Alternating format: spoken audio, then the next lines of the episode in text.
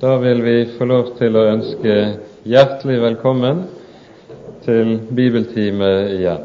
Dette er den tredje bibeltimen i høst, og vi går i dag videre i andre kongebok. Og da blir det fortsatt eh, beretningen om profeten Elisa vi skal bruke tid på. I dag er det det fjerde og det femte kapittelet i annen kongebok vi skal stanse opp for. Skal vi be sammen?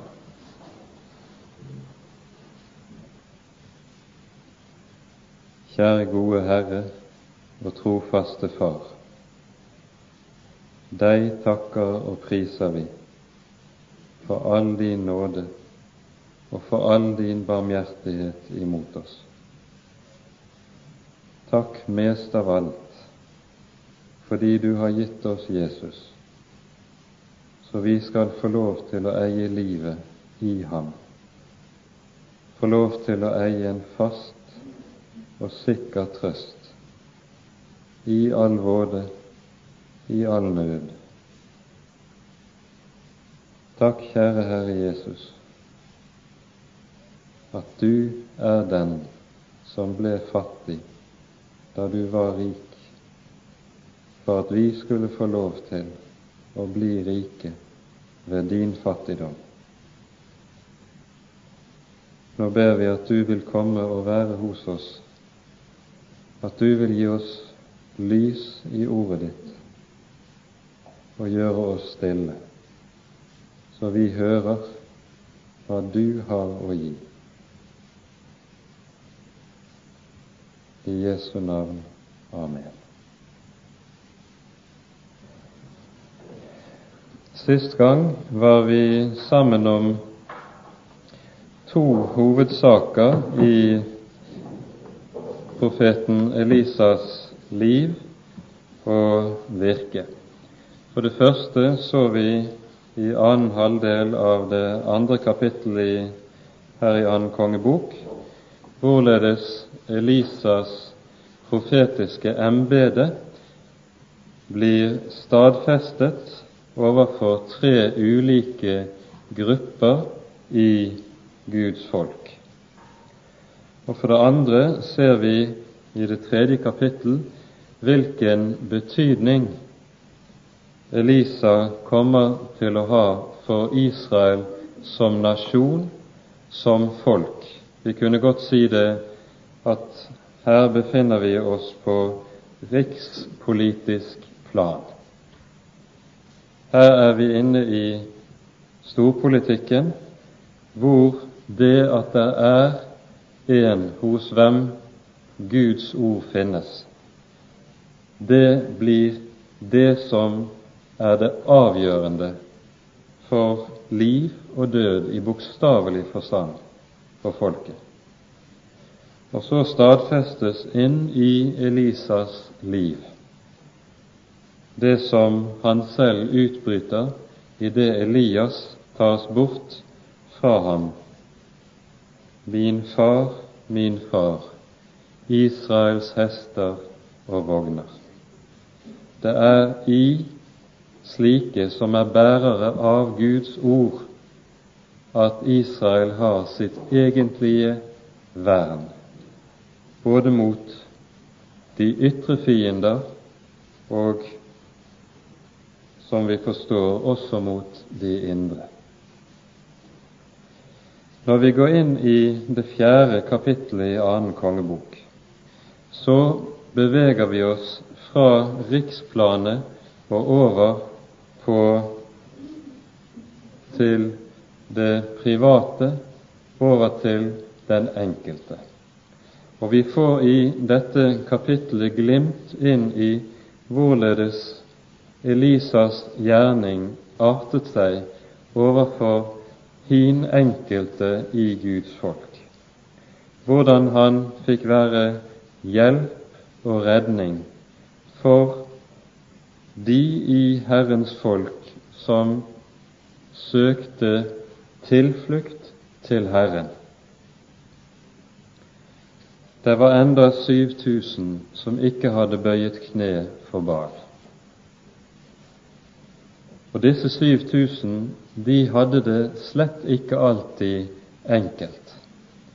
De var trengt både på den ene og på den annen måte om å oppleve megen nød.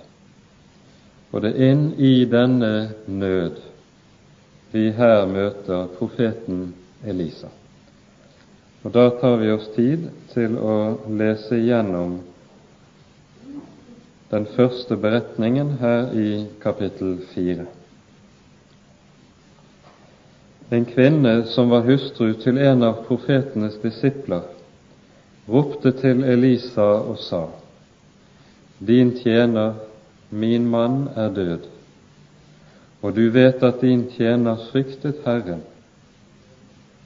og nå kommer en som han sto i gjeld til, og vil ta begge mine sønner til treller. Elisa sa til henne, Hva kan jeg gjøre for deg? Si meg, hva har du i huset? Hun svarte, Din tjenerinne har intet annet i huset enn en krukke med salveolje. Da sa han, Gå til alle dine naboer og be om å få låne hjem noen tomme kar, bare ikke for få. Gå så inn og lukk døren etter deg og dine sønner, og hell oljen i alle karene, og etter hvert som de blir fulle, skal du sette dem bort.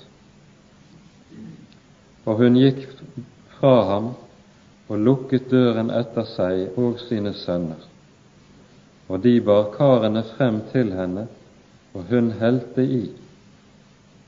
Og da karene var fulle, sa hun til sin sønn, Bær ennå et kar frem til meg.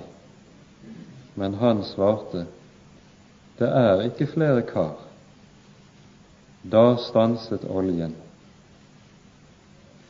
Så kom hun og fortalte det til den Guds mann, og han sa:" Gå og selg oljen og betal din gjeld, så kan du og dine sønner leve av det som blir til overs.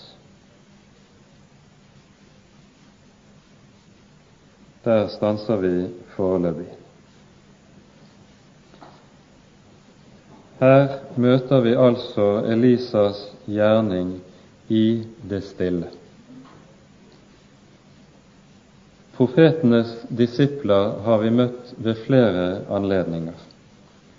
Vi møter Elisa og Elias før ham som den som reiste om fra sted til sted i Israel mellom de ulike profetskolene, som vi gjerne kaller dem. Det er De tilsvarer det vi gjerne kaller bibelskoler, som var og vi forstår ut av det som ikke minst kommer senere i dette kapittelet, at her var det grupper som levet sammen i et fellesskap, og i dette fellesskap arbeidet de til sitt, for sitt eget livs opphold. De levde nok under svært enkle forhold. Og Denne kvinnen vi her møter, var altså hustru til en av disse profetens disipler. Han var gått bort, og hun sitter alene igjen med to sønner, som antagelig ikke er altfor gamle. Enkers stilling var i oldtiden meget vanskelig og ytterst utsatt i samfunnet. Det var ikke noe sosialt sikkerhetsnett i samfunnet slik vi har det. Ingen trygd, ingen pensjon. Og Nettopp derfor så hører vi også at Herren sørger for på særskilt måte i sitt ord å dra omsorg for enker og faderløse. Både i Moselov hegnes det spesielt om disse grupper av de aller svakeste og aller mest utsatte i samfunnet. Folket får befaling om særlig å ta seg av disse. i og med at gudsfrykten er i så sterkt forfall i Israel, så fører det uvegerlig til at barmhjertigheten også blir borte i samfunnet. Og så kan man oppleve det som her står, at de er nødt til å selge seg selv som treller for å berge seg unna den gjeld de har pådratt seg. Vi hører også for øvrig, i, ikke minst i Salmenes bok, at Herren nettopp drar spesiell omsorg for disse. I Salme 146 hører vi slik i det niende verset. Herren bevarer de fremmede. Farløse og enker holder Han oppe. Farløse og enker holder Han oppe. Og det er nettopp det vi får lov til å se noe inn i i dette avsnittet. I sin nød søker denne enken til Elisa, for hun vet hva som forestår henne dersom hun ikke klarer å kvitte seg med gjeld. Da står det en hård kreditor og vil ta saken i sine hender. Og Her kan vi vel godt minne om Davids ord i 2. Samuels boks 24. kapittel. Her rammes Israel av en straffedom på grunn av Davids synd. Og så får David av profeten valget mellom å velge valget mellom tre ulike former for utganger på dette.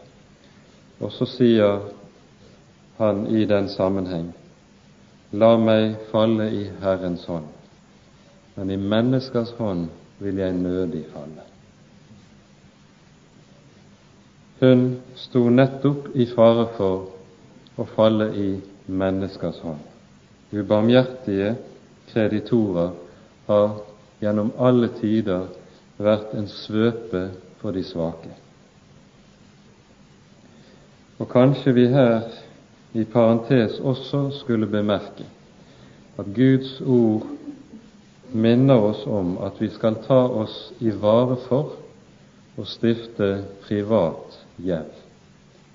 I Romerbrevets tolvte kapittel så står det 'Bli ikke noe menneske noe skyldig'. Og etter all vanlig forståelse må det nettopp forstås slik at her advares vi mot å stifte privat gjeld. Derimot, når vi tenker på hvorledes vi skal leve i samfunnet for øvrig, så lever vi i et samfunn der det på det offentlige plan er nødvendig nettopp der hele samfunnet fungerer på en slik måte at man må låne for å få hus og slike ting kanskje også for utdannelsen sin del. I slike ting så skal en kristen kunne leve som samfunnet ellers gjør det, og innrette seg etter det som er vanlig i samfunnet. Men det å stifte privat gjeld, det skal vi ta oss i vare for. Her minner Guds ord oss om hvorledes vi skal forholde oss når det gjelder økonomiske ting. Og det gjør vi vel i å merke oss også her. Denne enken som vi her møter, hun står i en situasjon hvor hun opplever en meget nærgående prøve.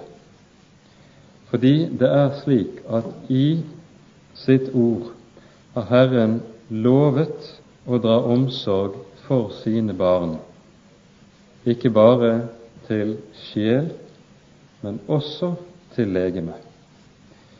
Vi kan bare minne om det som står i den 37. salmen i denne sammenheng. Her sier David i det 25. verset slik Jeg har vært ung og er blitt gammel, men ikke har jeg sett den rettferdige forlatt, eller hans avkom søke efter brød. Og I dette skjønner vi dermed at det må ligge en ytterst nærgående prøve for et Guds barn. Og hun må jo nettopp kjenne det slik at hun er forlatt, at hun er overgitt. For hvor er det brød Herren har lovet?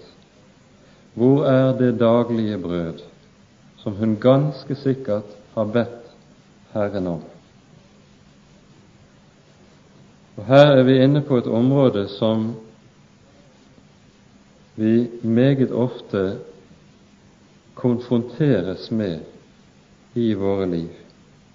Hvorfor rammer ulykken så ofte Guds barn, slik at de kommer i trengsel, kommer i vansker? Det som vi skal ikke stanse opp så meget for det i denne omgang, men komme litt tilbake til det senere. Men det vi ser skje, det er at denne nød fører henne til profeten, til ved ham å søke Herren og Herrens hjelp. Og så blir det slik at denne ulykke kommer til å virke til velsignelse.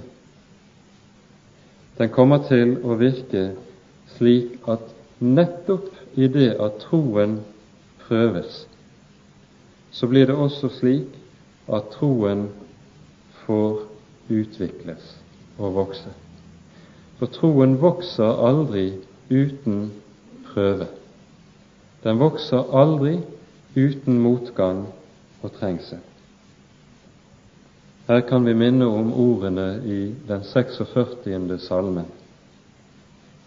Herren er en hjelp i trengsel funnet såre stor. Det er i trengselen Han som er Herre, særlig viser seg som den der er stor. Ofte er det nemlig slik når vi har det godt og lever ganske problemløst og problemfritt. Da svinner den daglige avhengigheten av Herren for oss, og vi kommer så altfor lett inn i den situasjonen at vi tenker som så at vi egentlig klarer oss godt selv. Men når nøden er der, da tvinges den erkjennelsen inn på oss at er det noe vi ikke gjør, så er det å klare oss selv, klare oss på egen hånd. Og da kastes vi på Herren på en helt annen måte enn det som de gode dagene gjør med oss.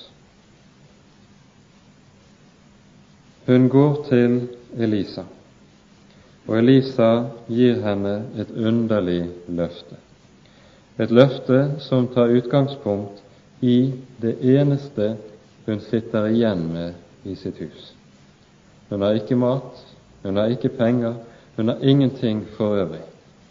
Men hun har litt igjen i en salvekrukke.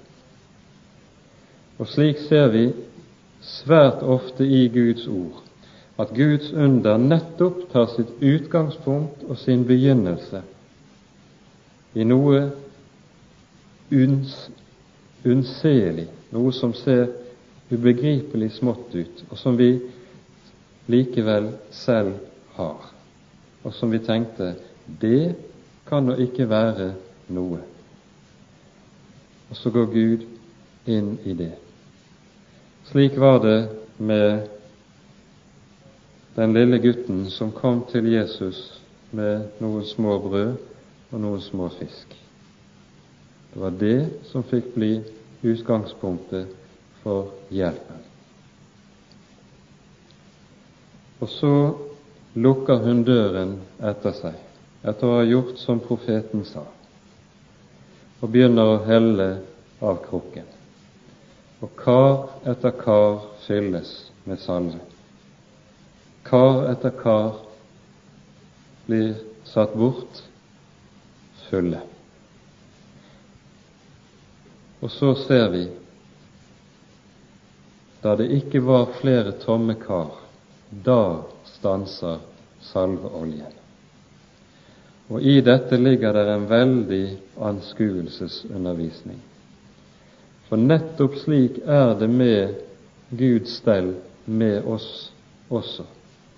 For oljen er jo gjennom hele Skriften et bilde på Den hellige ånd og Hans utgytelse. Og den får lov til å utgytes så lenge det er tomme kar til disposisjon. Når karene er fulle, så stanses det. Og der er vel meget av det som er vår nød i dagens situasjon.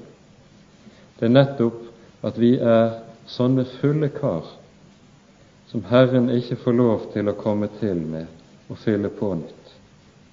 Vi er for rike, vi er for sterke, vi har for meget å fare med.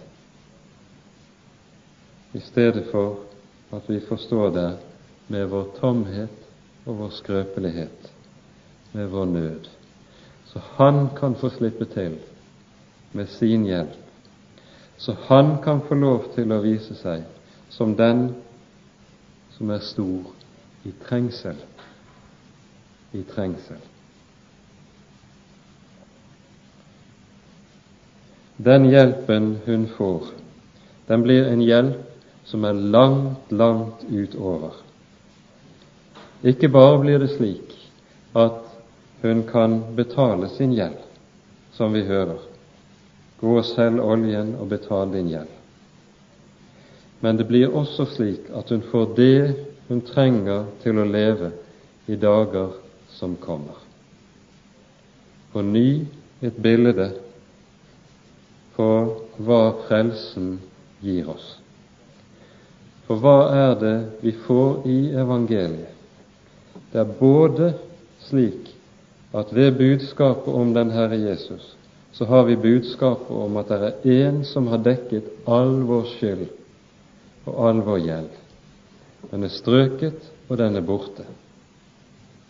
Men så er vi ikke overgitt til å klare resten på egen hånd, klare fremtiden på alene. Men det å være en kristen, det er å få lov til å leve på Jesu regning. Han har gitt det vi trenger for å leve på. Derfor sier profeten Jesaja, rop til henne, til Sion, at hun har fått dobbelt for alle sine misgjerninger. Dobbelt, vil si både er gjelden dekket, og det er gitt nok for tider som kommer. Mitt beger flyter over, synger David i møte med denne erfaring. Eller som Paulus kan skrive det i Efeserbrevets tredje kapittel. Han som kan gjøre mer enn alt, langt utover det vi ber eller forstår. Han være æren i evighet.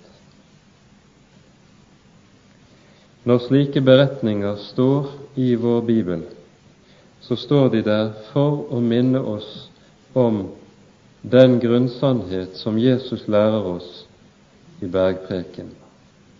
Søk først Guds rike og Hans rettferdighet. Så skal dere få alt det annet i tilgift. Og slike beretninger står der som en levende illustrasjon på at Herren er en Herre som holder ord overfor sine barn, overfor alle dem som søker Hans rike og Hans rettferdighet. Så kommer vi til den neste fortellingen, som begynner i vers 8, og vi leser videre i denne. En dag gikk Elisa over til Sunem. En velstående kvinne som bodde der, nødet ham til å ete hos seg, og så ofte han siden dro der forbi, tok han inn der og fikk seg mat. En gang sa hun til sin mann, Hør her, jeg vet at han som jevnlig drar forbi oss, er en hellig Guds mann. La oss gjøre et lite takkammer med murvegger og sette inn der en seng for ham og et bord og en stol og en lysestake. Når han så kommer til oss, kan han ta inn der. Så kom han dit en dag og tok inn i takkammeret og la seg der. Og han sa til sin dreng Gehazi, Kall på den sunamittiske konen som bor her. Så kalte han på henne, og hun trådte frem for ham. Han hadde sagt til ham, Si til henne, nå har du hatt all denne uro for vår skyld. Hva kan jeg gjøre for deg? Er det noe jeg kan tale til kongen om for deg, eller til hærføreren? Hun svarte, jeg bor jo her midt iblant mitt folk. Så sa han, Hva kan jeg da gjøre for henne? Og Gehazi svarte, Jo, hun har ingen sønn, og hennes mann er gammel. Da sa han, Kall på henne. Så kalte han på henne, og hun trådte frem i døren. Da sa han, til neste år ved denne tid skal du holde en sønn i dine armer. Men hun sa, Nei, min Herre, du som er en Guds mann, lyv ikke for din tjenerinne. Og kvinnen ble fruktsommelig og fødte en sønn det følgende år, nettopp på den tid som Elisa hadde sagt til henne. Da barnet ble større, hendte det en dag at han gikk ut til sin far som var ute hos høstfolkene, og han sa til sin far, Mitt hode, mitt hode. Da sa faren til sin dreng, Bær ham hjem til hans mor. Og han tok ham og bar ham hjem til hans mor, og han satt på hennes kne til om middagen. Da døde han. Hun gikk opp og la ham på den Guds manns seng, og lukket efter ham og gikk ut. Så kalte hun på sin mann og sa, Send en av drengene til meg med en aseninne. Så vil jeg skynde meg av sted til den Guds mann, og så komme tilbake. Han sa, Hvorfor vil du gå til ham i dag? Det er jo verken nymåne eller sabbat. Men hun sa, La meg bare gå. Så lot hun aseninnen sale og sa til sin dreng, Led dem og gå av sted. Stans meg ikke mens jeg rir, uten jeg sier til deg. Så dro hun av sted og kom til den Guds mann på Karmelfjellet. Da den Guds mann så henne, et stykke borte, sa han til sin dreng Gehazi, Se, der kommer konen fra Sunem. Spring henne nå i møte og si til henne, står det vel til deg med deg og din mann og med barnet? Hun svarte, ja, det står vel til. Men da hun kom opp på fjellet til den Guds mann, omfavnet hun hans føtter da gikk Gehazi frem og ville støte henne bort. Men den Guds mann sa, La henne være, for hun har en stor hjertesorg. Men Herren har skjult det for meg og ikke latt meg få vite det. Hun sa, Har vel jeg bedt min Herre om en sønn? Sa jeg ikke, du må ikke narre meg? Da sa han til Gehazi, omgjord din lend og ta min stav i hånden og gå av sted. Møter du noen, så hils ikke på ham, og hilser noen på deg, så svar ham ikke, og legg så min stav på guttens ansikt. Men guttens mor sa, så sant Herren lever, og så sant du selv lever, jeg forlater deg ikke. Da sto han opp og fulgte med henne. Gehasi gikk i forveien og la staven mot guttens ansikt, men det hørtes ikke en lyd og viste seg ikke noe tegn til at han merket noe. Så vendte han tilbake og gikk Elisa i møte og fortalte ham det og sa, Gutten våknet ikke. Og da Elisa kom til huset og fikk se at gutten lå død på hans seng, så gikk han inn og lukket døren til og ba til Herren. Deretter steg han opp og la seg over barnet med sin munn mot dets munn, og sine øyne mot dets øyne, og sine hender på dets hender. Og da han således bøyet seg over barnet, ble dets legeme varmt. Så sto han opp igjen og gikk en gang frem og tilbake i kammeret, Deretter steg han atter opp og bøyet seg over gutten. Da nøs gutten syv ganger og slo øynene opp. Da kalte han på Gehasi og sa, Kall på den sunamittiske konen. Han kalte på henne, og da hun kom inn til ham, sa han, Ta din sønn. Og hun kom og falt ned for hans føtter og bøyet seg til jorden. Så tok hun sin sønn og gikk ut.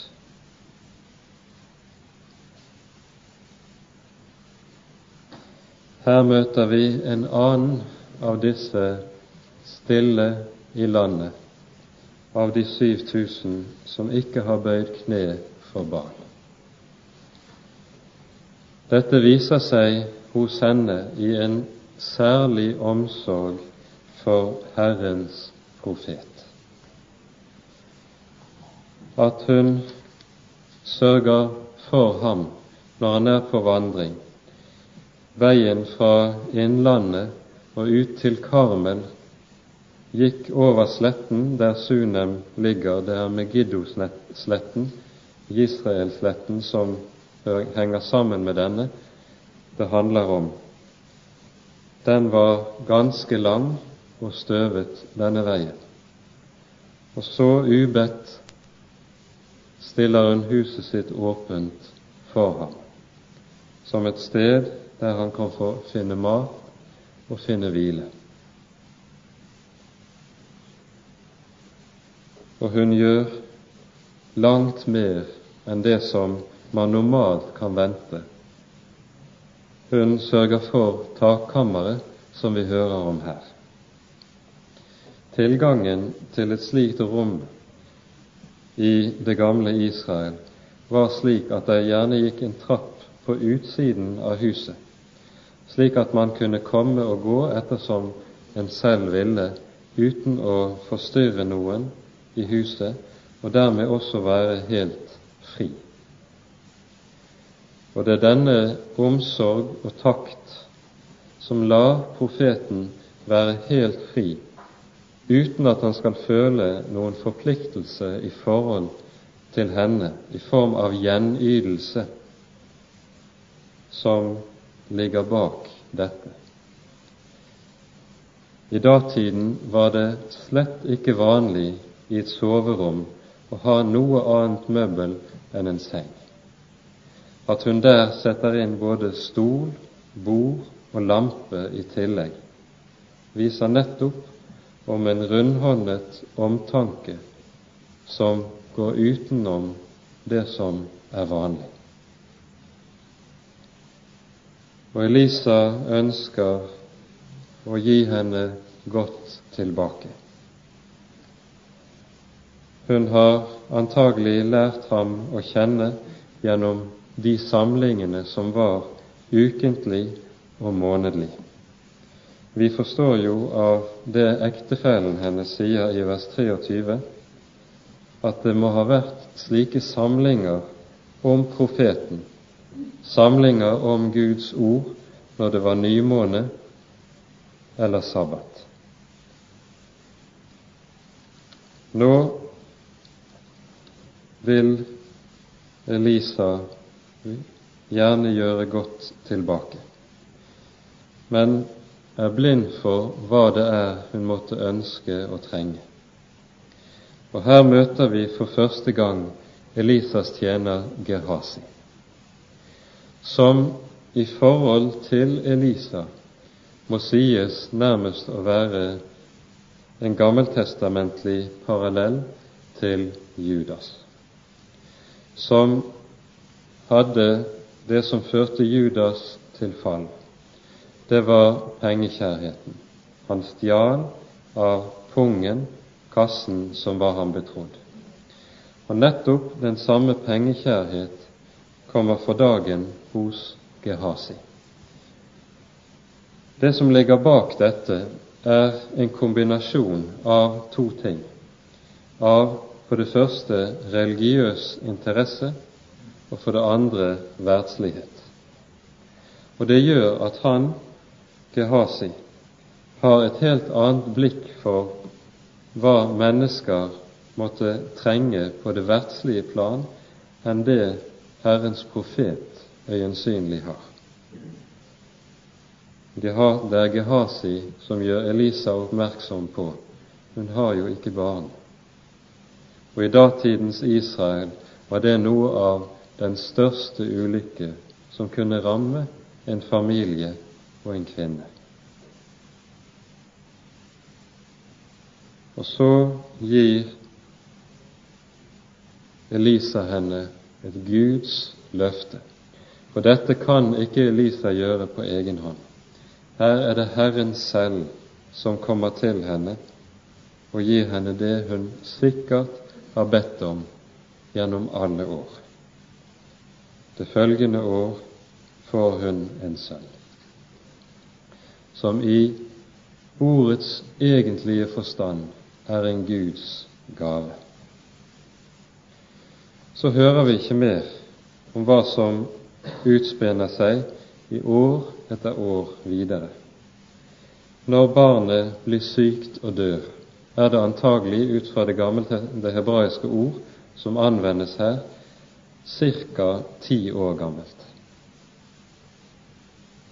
Men den prøven kvinnen settes på nå, den må sies å være noe av det samme som Abraham settes på når han blir bedt om å ofre Isak.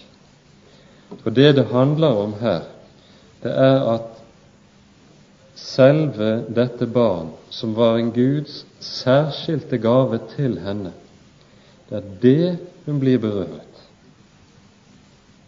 Og så reiser spørsmålet seg med stor, stor tyngde for henne, sånn som vi hører det i vers 28.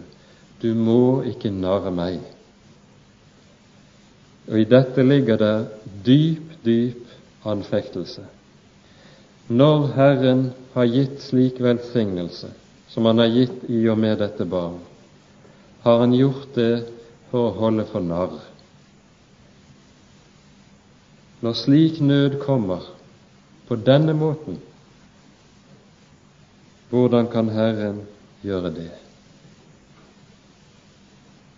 Og vi hører ikke at det kommer fra hennes munn som det gjør fra jobb. Herren ga, Herren tok. Herrens navn være lovet. For hun er allerede inne i mørke og i anfektelse for hva som og hvorfor dette skulle ramme henne. Hvorfor gir Herren med én hånd og tar med den annen?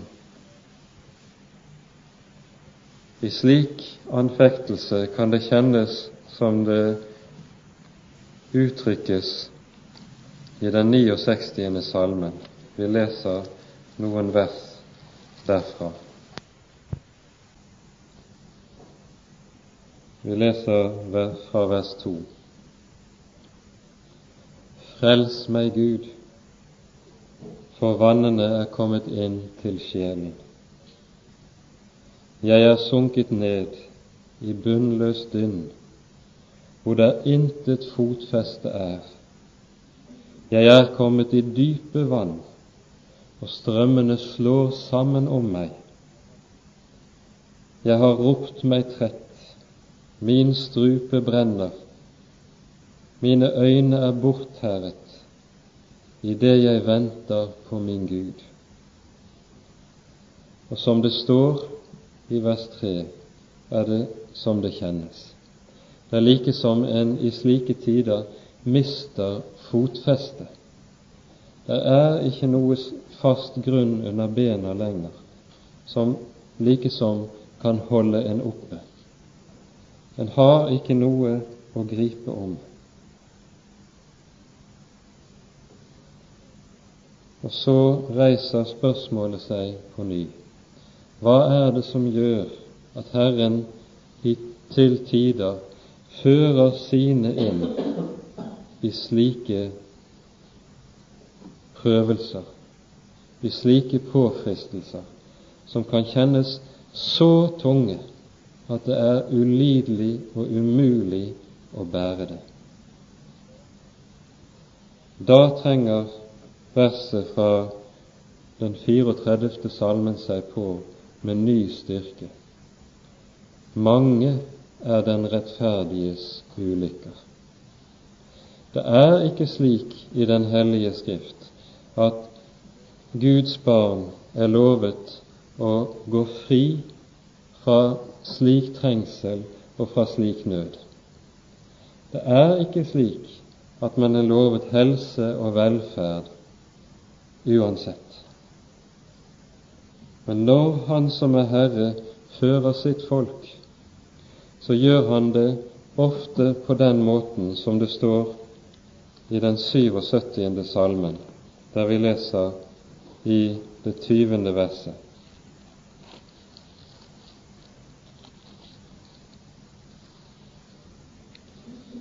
der vi blir minnet om utgangen av Egypt. Og så står det slik Gjennom havet gikk din vei. 77 vers 20. Gjennom havet gikk din vei, og dine stier gjennom store vann. Og dine fotspor ble ikke kjent. Du førte ditt folk som en jord gjennom havet, dvs. Si på bunnen. Det var ikke sånn med Guds folk som da Jesus gikk på vannet, at de gikk ovenpå, så å si, men de gikk over på bunnen. Og ofte kan det nettopp kjennes slik at det er der Han som er Herre, fører sine. Han fører oss gjennom på bunnen. Vi må gjennom det dype, der det ser ut som det er umulig. Og han fører sine på en vei som er umulig. Og i slike tider går det med oss sånn som det står i det tolvte kapittelet i Hebreabrevet.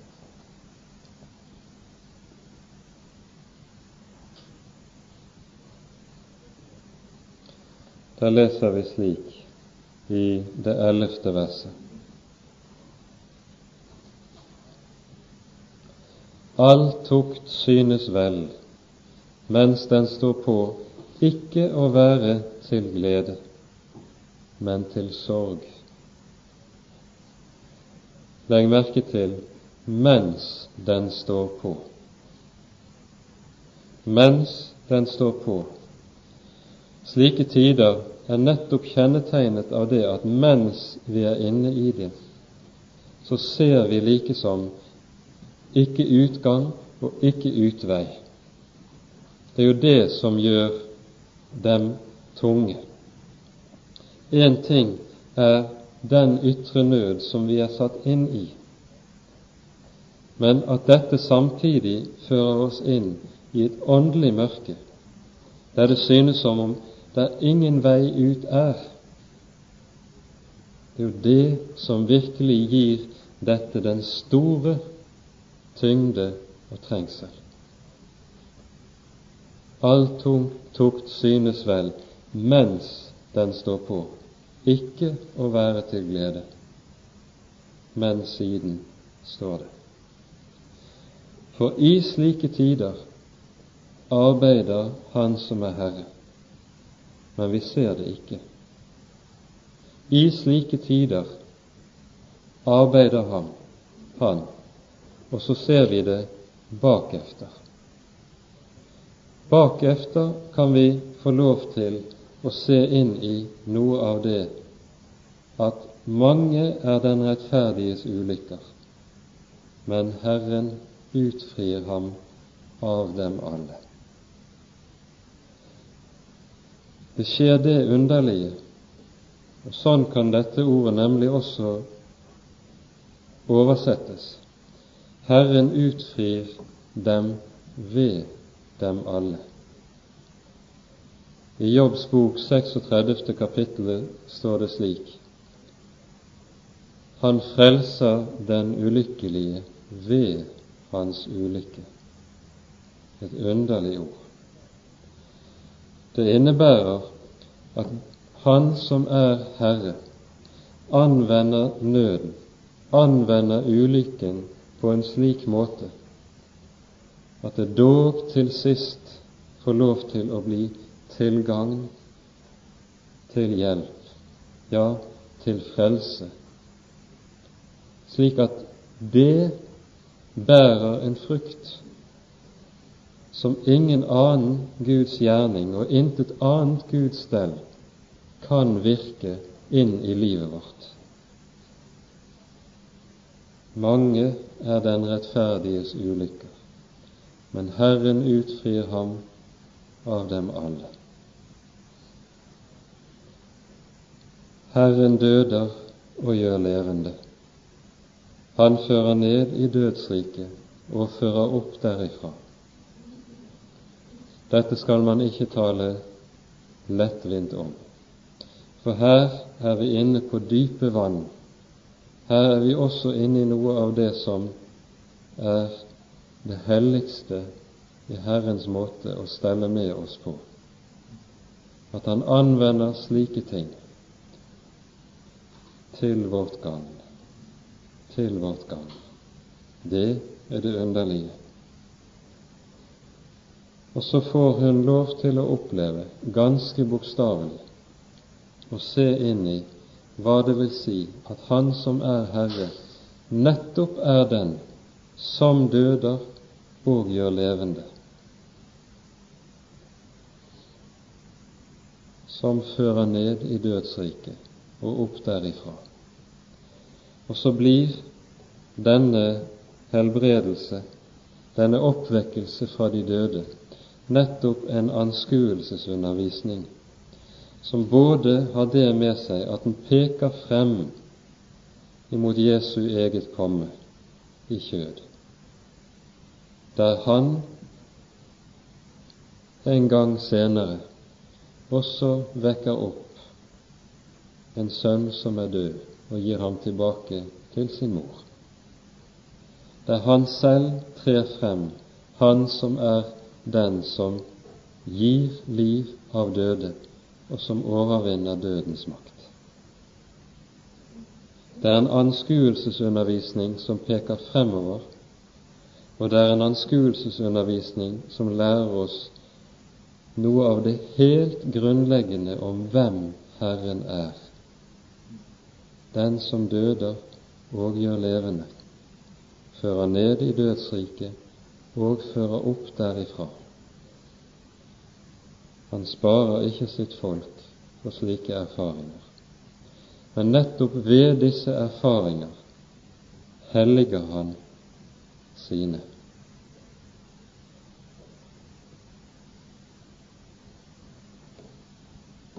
Så tok hun sin sønn og gikk ut.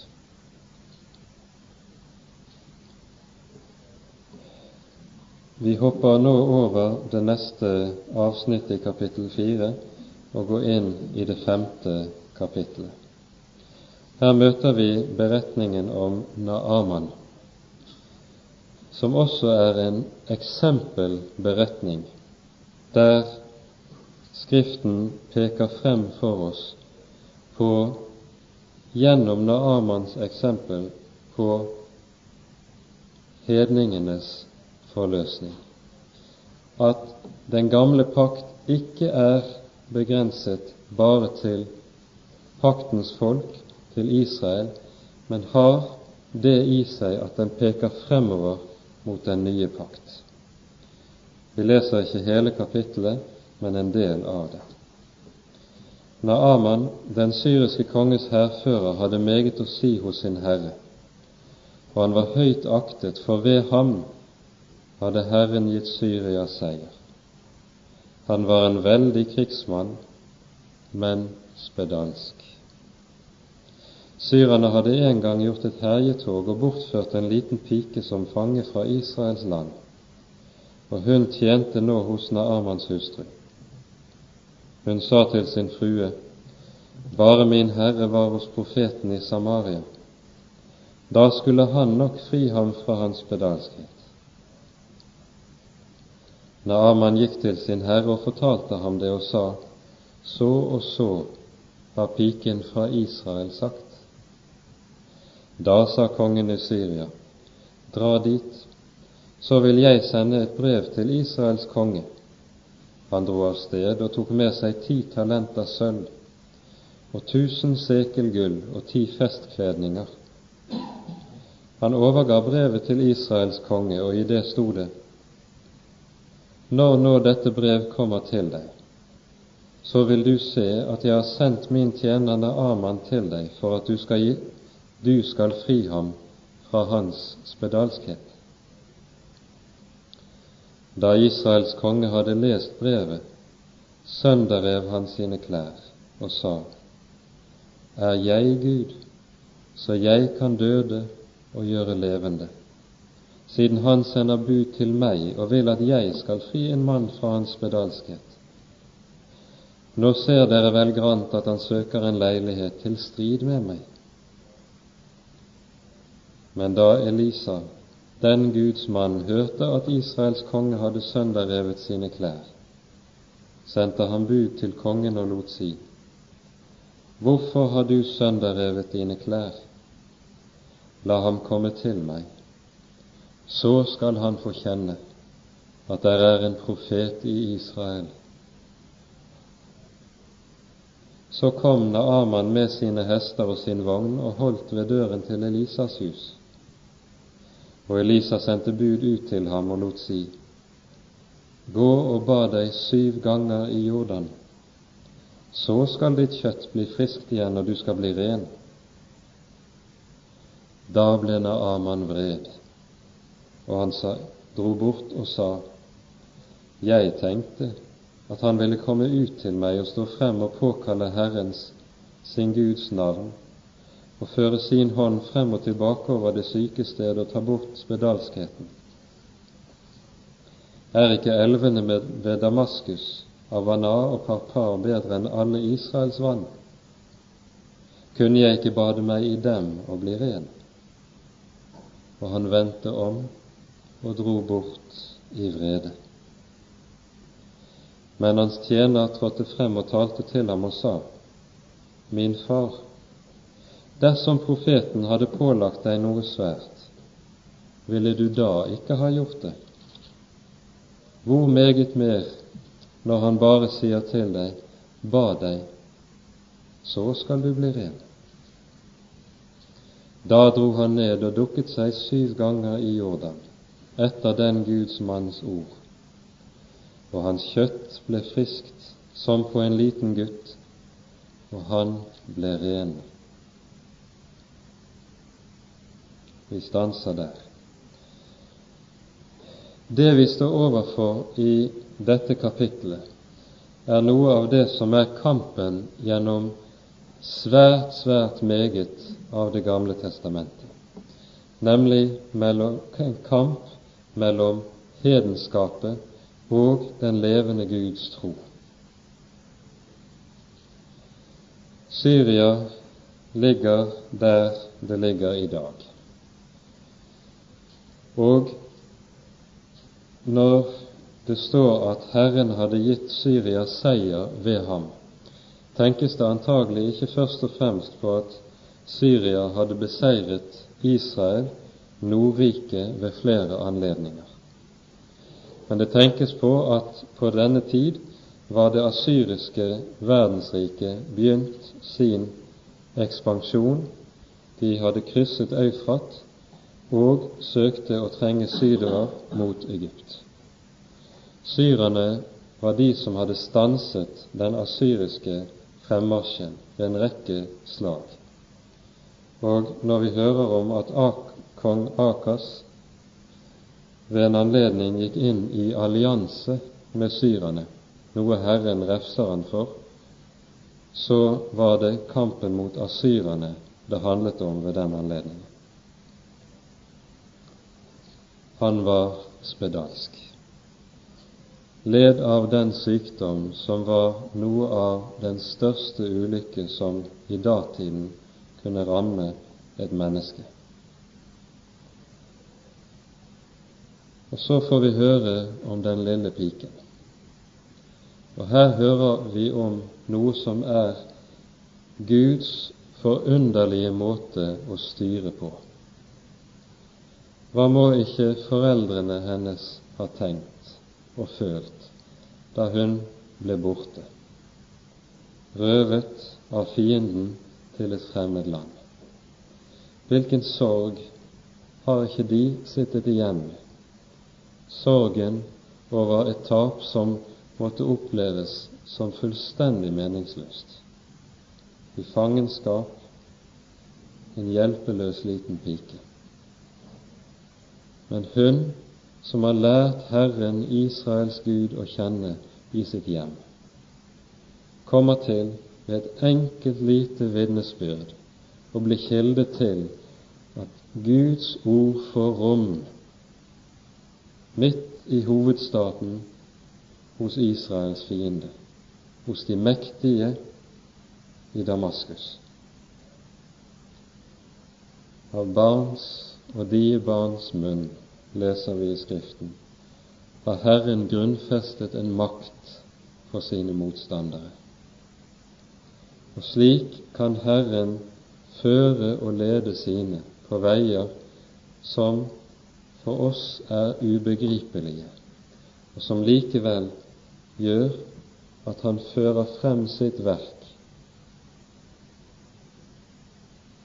til stor undring når vi får se hva han gjør.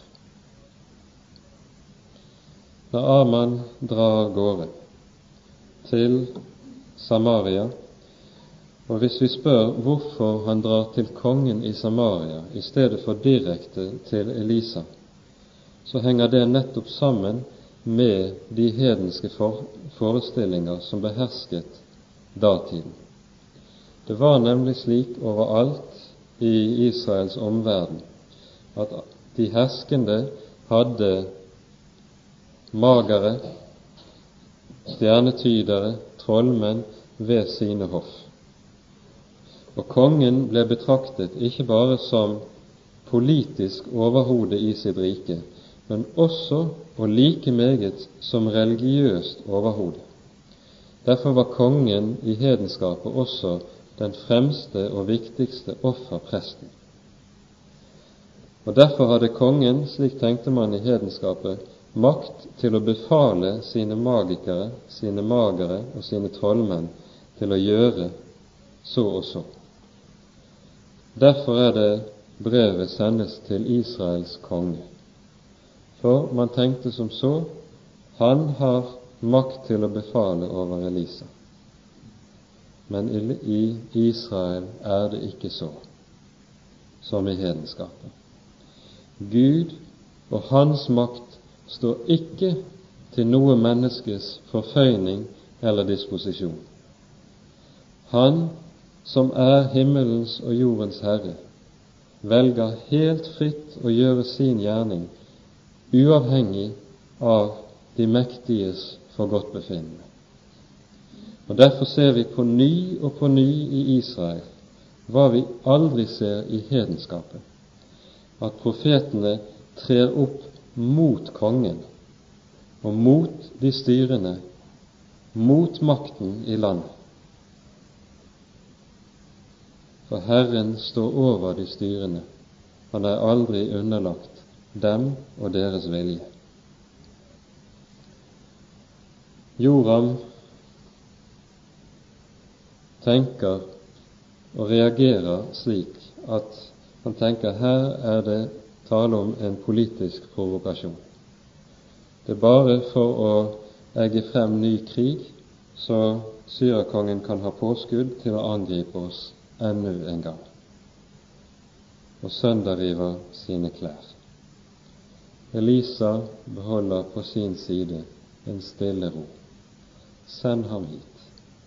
Send ham hit så skal han få se at det er en profet i Israel.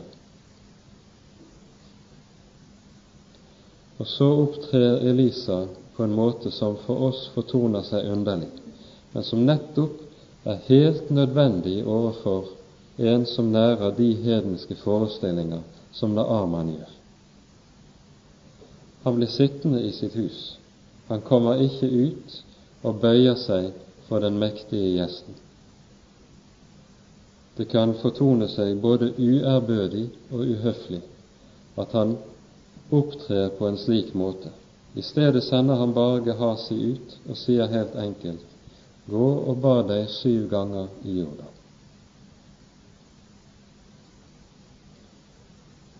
Og så oppleves dette for Naaman som nesten et slag i ansiktet. Ikke bare er det uhøflig, men med dette så sier Elisa noe helt grunnleggende om Israels Gud, nemlig at hans Gud er en Gud som ikke akter om det er stor eller liten han skal hjelpe. Hans Gud er en Gud som ikke lar seg kjøpe, som ikke, det ikke betyr det ringeste for om det er den mektige eller den fattigste han hjelper å ta seg av. Hos avgudene er det nettopp motsatt. I hedenskapet er det motsatt. Det vet vi fra tallrike kilder som er gravd frem i støvet der nede det siste århundret. Gå og ba deg i Jordan syv ganger. Og så hører vi Naaman si som reaksjon på dette. For det første blir han harm, og så sier han 'jeg tenkte'. Jeg tenkte. Og i dette møter vi det som er den klassiske konflikt mellom mennesketanke og Guds tanke. Mellom menneskelig forventning på den ene side, menneskelig forutinntatthet på den ene side, og det som er Herren og Hans gjerning på den annen side. I den, 51, i den 50. salmen, i det 21. verset, står det slik Gud sier til folket, Du tenkte jeg var som du. Du tenkte jeg var som du. Og nettopp dette er på ny og på ny oss menneskers stadige grøft som vi faller i, at vi tenker at Han som er Gud, er som oss. Vi maler ham i vårt eget bilde, etter våre egne tanker. Og når han nettopp handler så ganske annerledes enn vi venter, tror og tenker, så finner vi det svært å akseptere.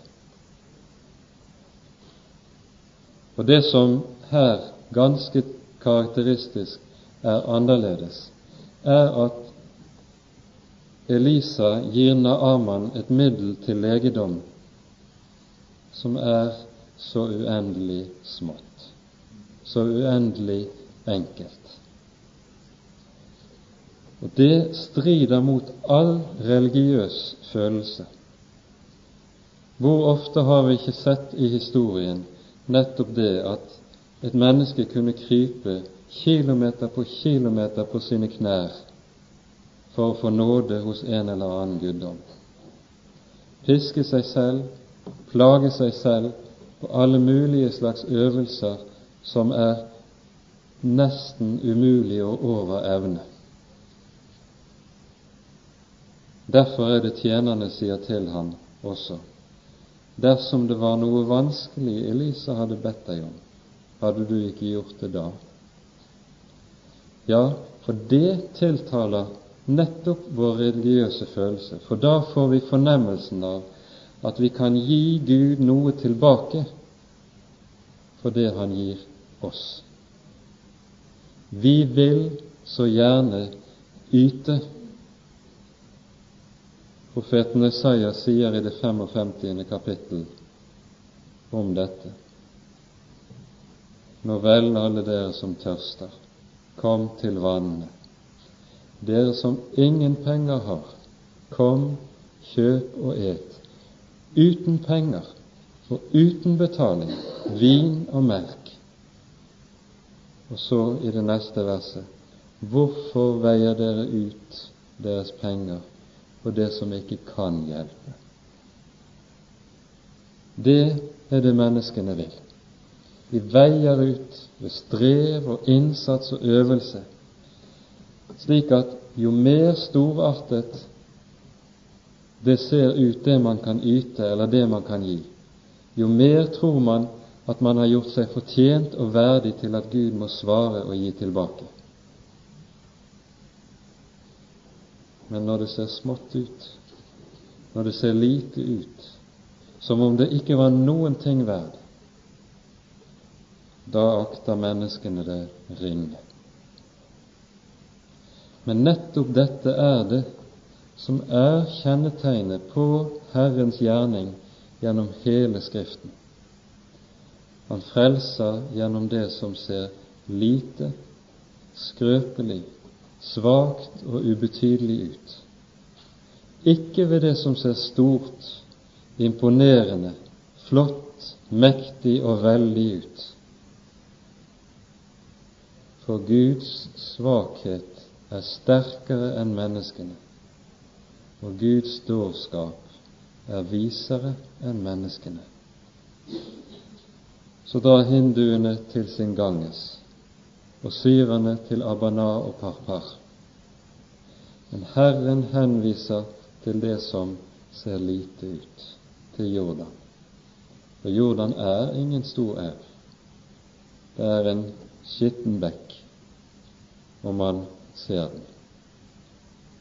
Men der lå legedommen, ikke fordi den i og for seg er liten, men fordi Han som er Herre, har knyttet sitt løfte til dette. Og det er det som er hemmeligheten. Ikke om det er stort eller lite, men hva Herren knytter sitt løfte til. Hva Herren knytter løftet til. Og han knytter det regelmessig til det som ser lite og smått ut. Og Derfor er denne beretningen også alltid i den kristne historie blitt anvendt som forbilde på dåpen. Hvordan kan vann gjøre så store ting? spør Luther i sin lille katekisme. Det er ikke vannet som gjør det, men Guds ord som er knyttet sammen med vannet, er svaret. Og Gud gjør det nettopp slik at han knytter sitt ord sammen med det som ser lite og ubetydelig ut, av én bestemt grunn, nemlig at troen skal forstå sin prøve. For troen har det med seg at nettopp henger ved det som intet er. Tro er overbevisning om ting som ikke sees. Så får troen sin sjanse og sin mulighet det er at den nettopp må klynge seg til det den ikke ser. Den må klynge seg til løftet. Og Derfor er svaret på alle menneskenes 'jeg tenkte'. Jeg tenkte. Ikke å ta opp en diskusjon, men å si Gud har sagt, og det står fast. Gud har sagt, der ligger hjelpen. Der ligger frimodigheten. Der ligger renselsen. Og så får en Naaman hjelp. Og så får alle Guds barn hjelp på samme måte. Ved i tro å bruke de enkle midler Han som er Herre, har gitt oss. Det ser ikke storartet ut i verdens øyne. Nei, men for troens øyne er Guds herlighet gitt nettopp i det små, i det som ser fattigslig og lite ut, i noen dråper vann i et døpefat, i en liten bit tørr kjeks og i en dråpe vin. Der gir han sin herlighet. Der gir han sin hjelp. Der renser han den urene. Amen.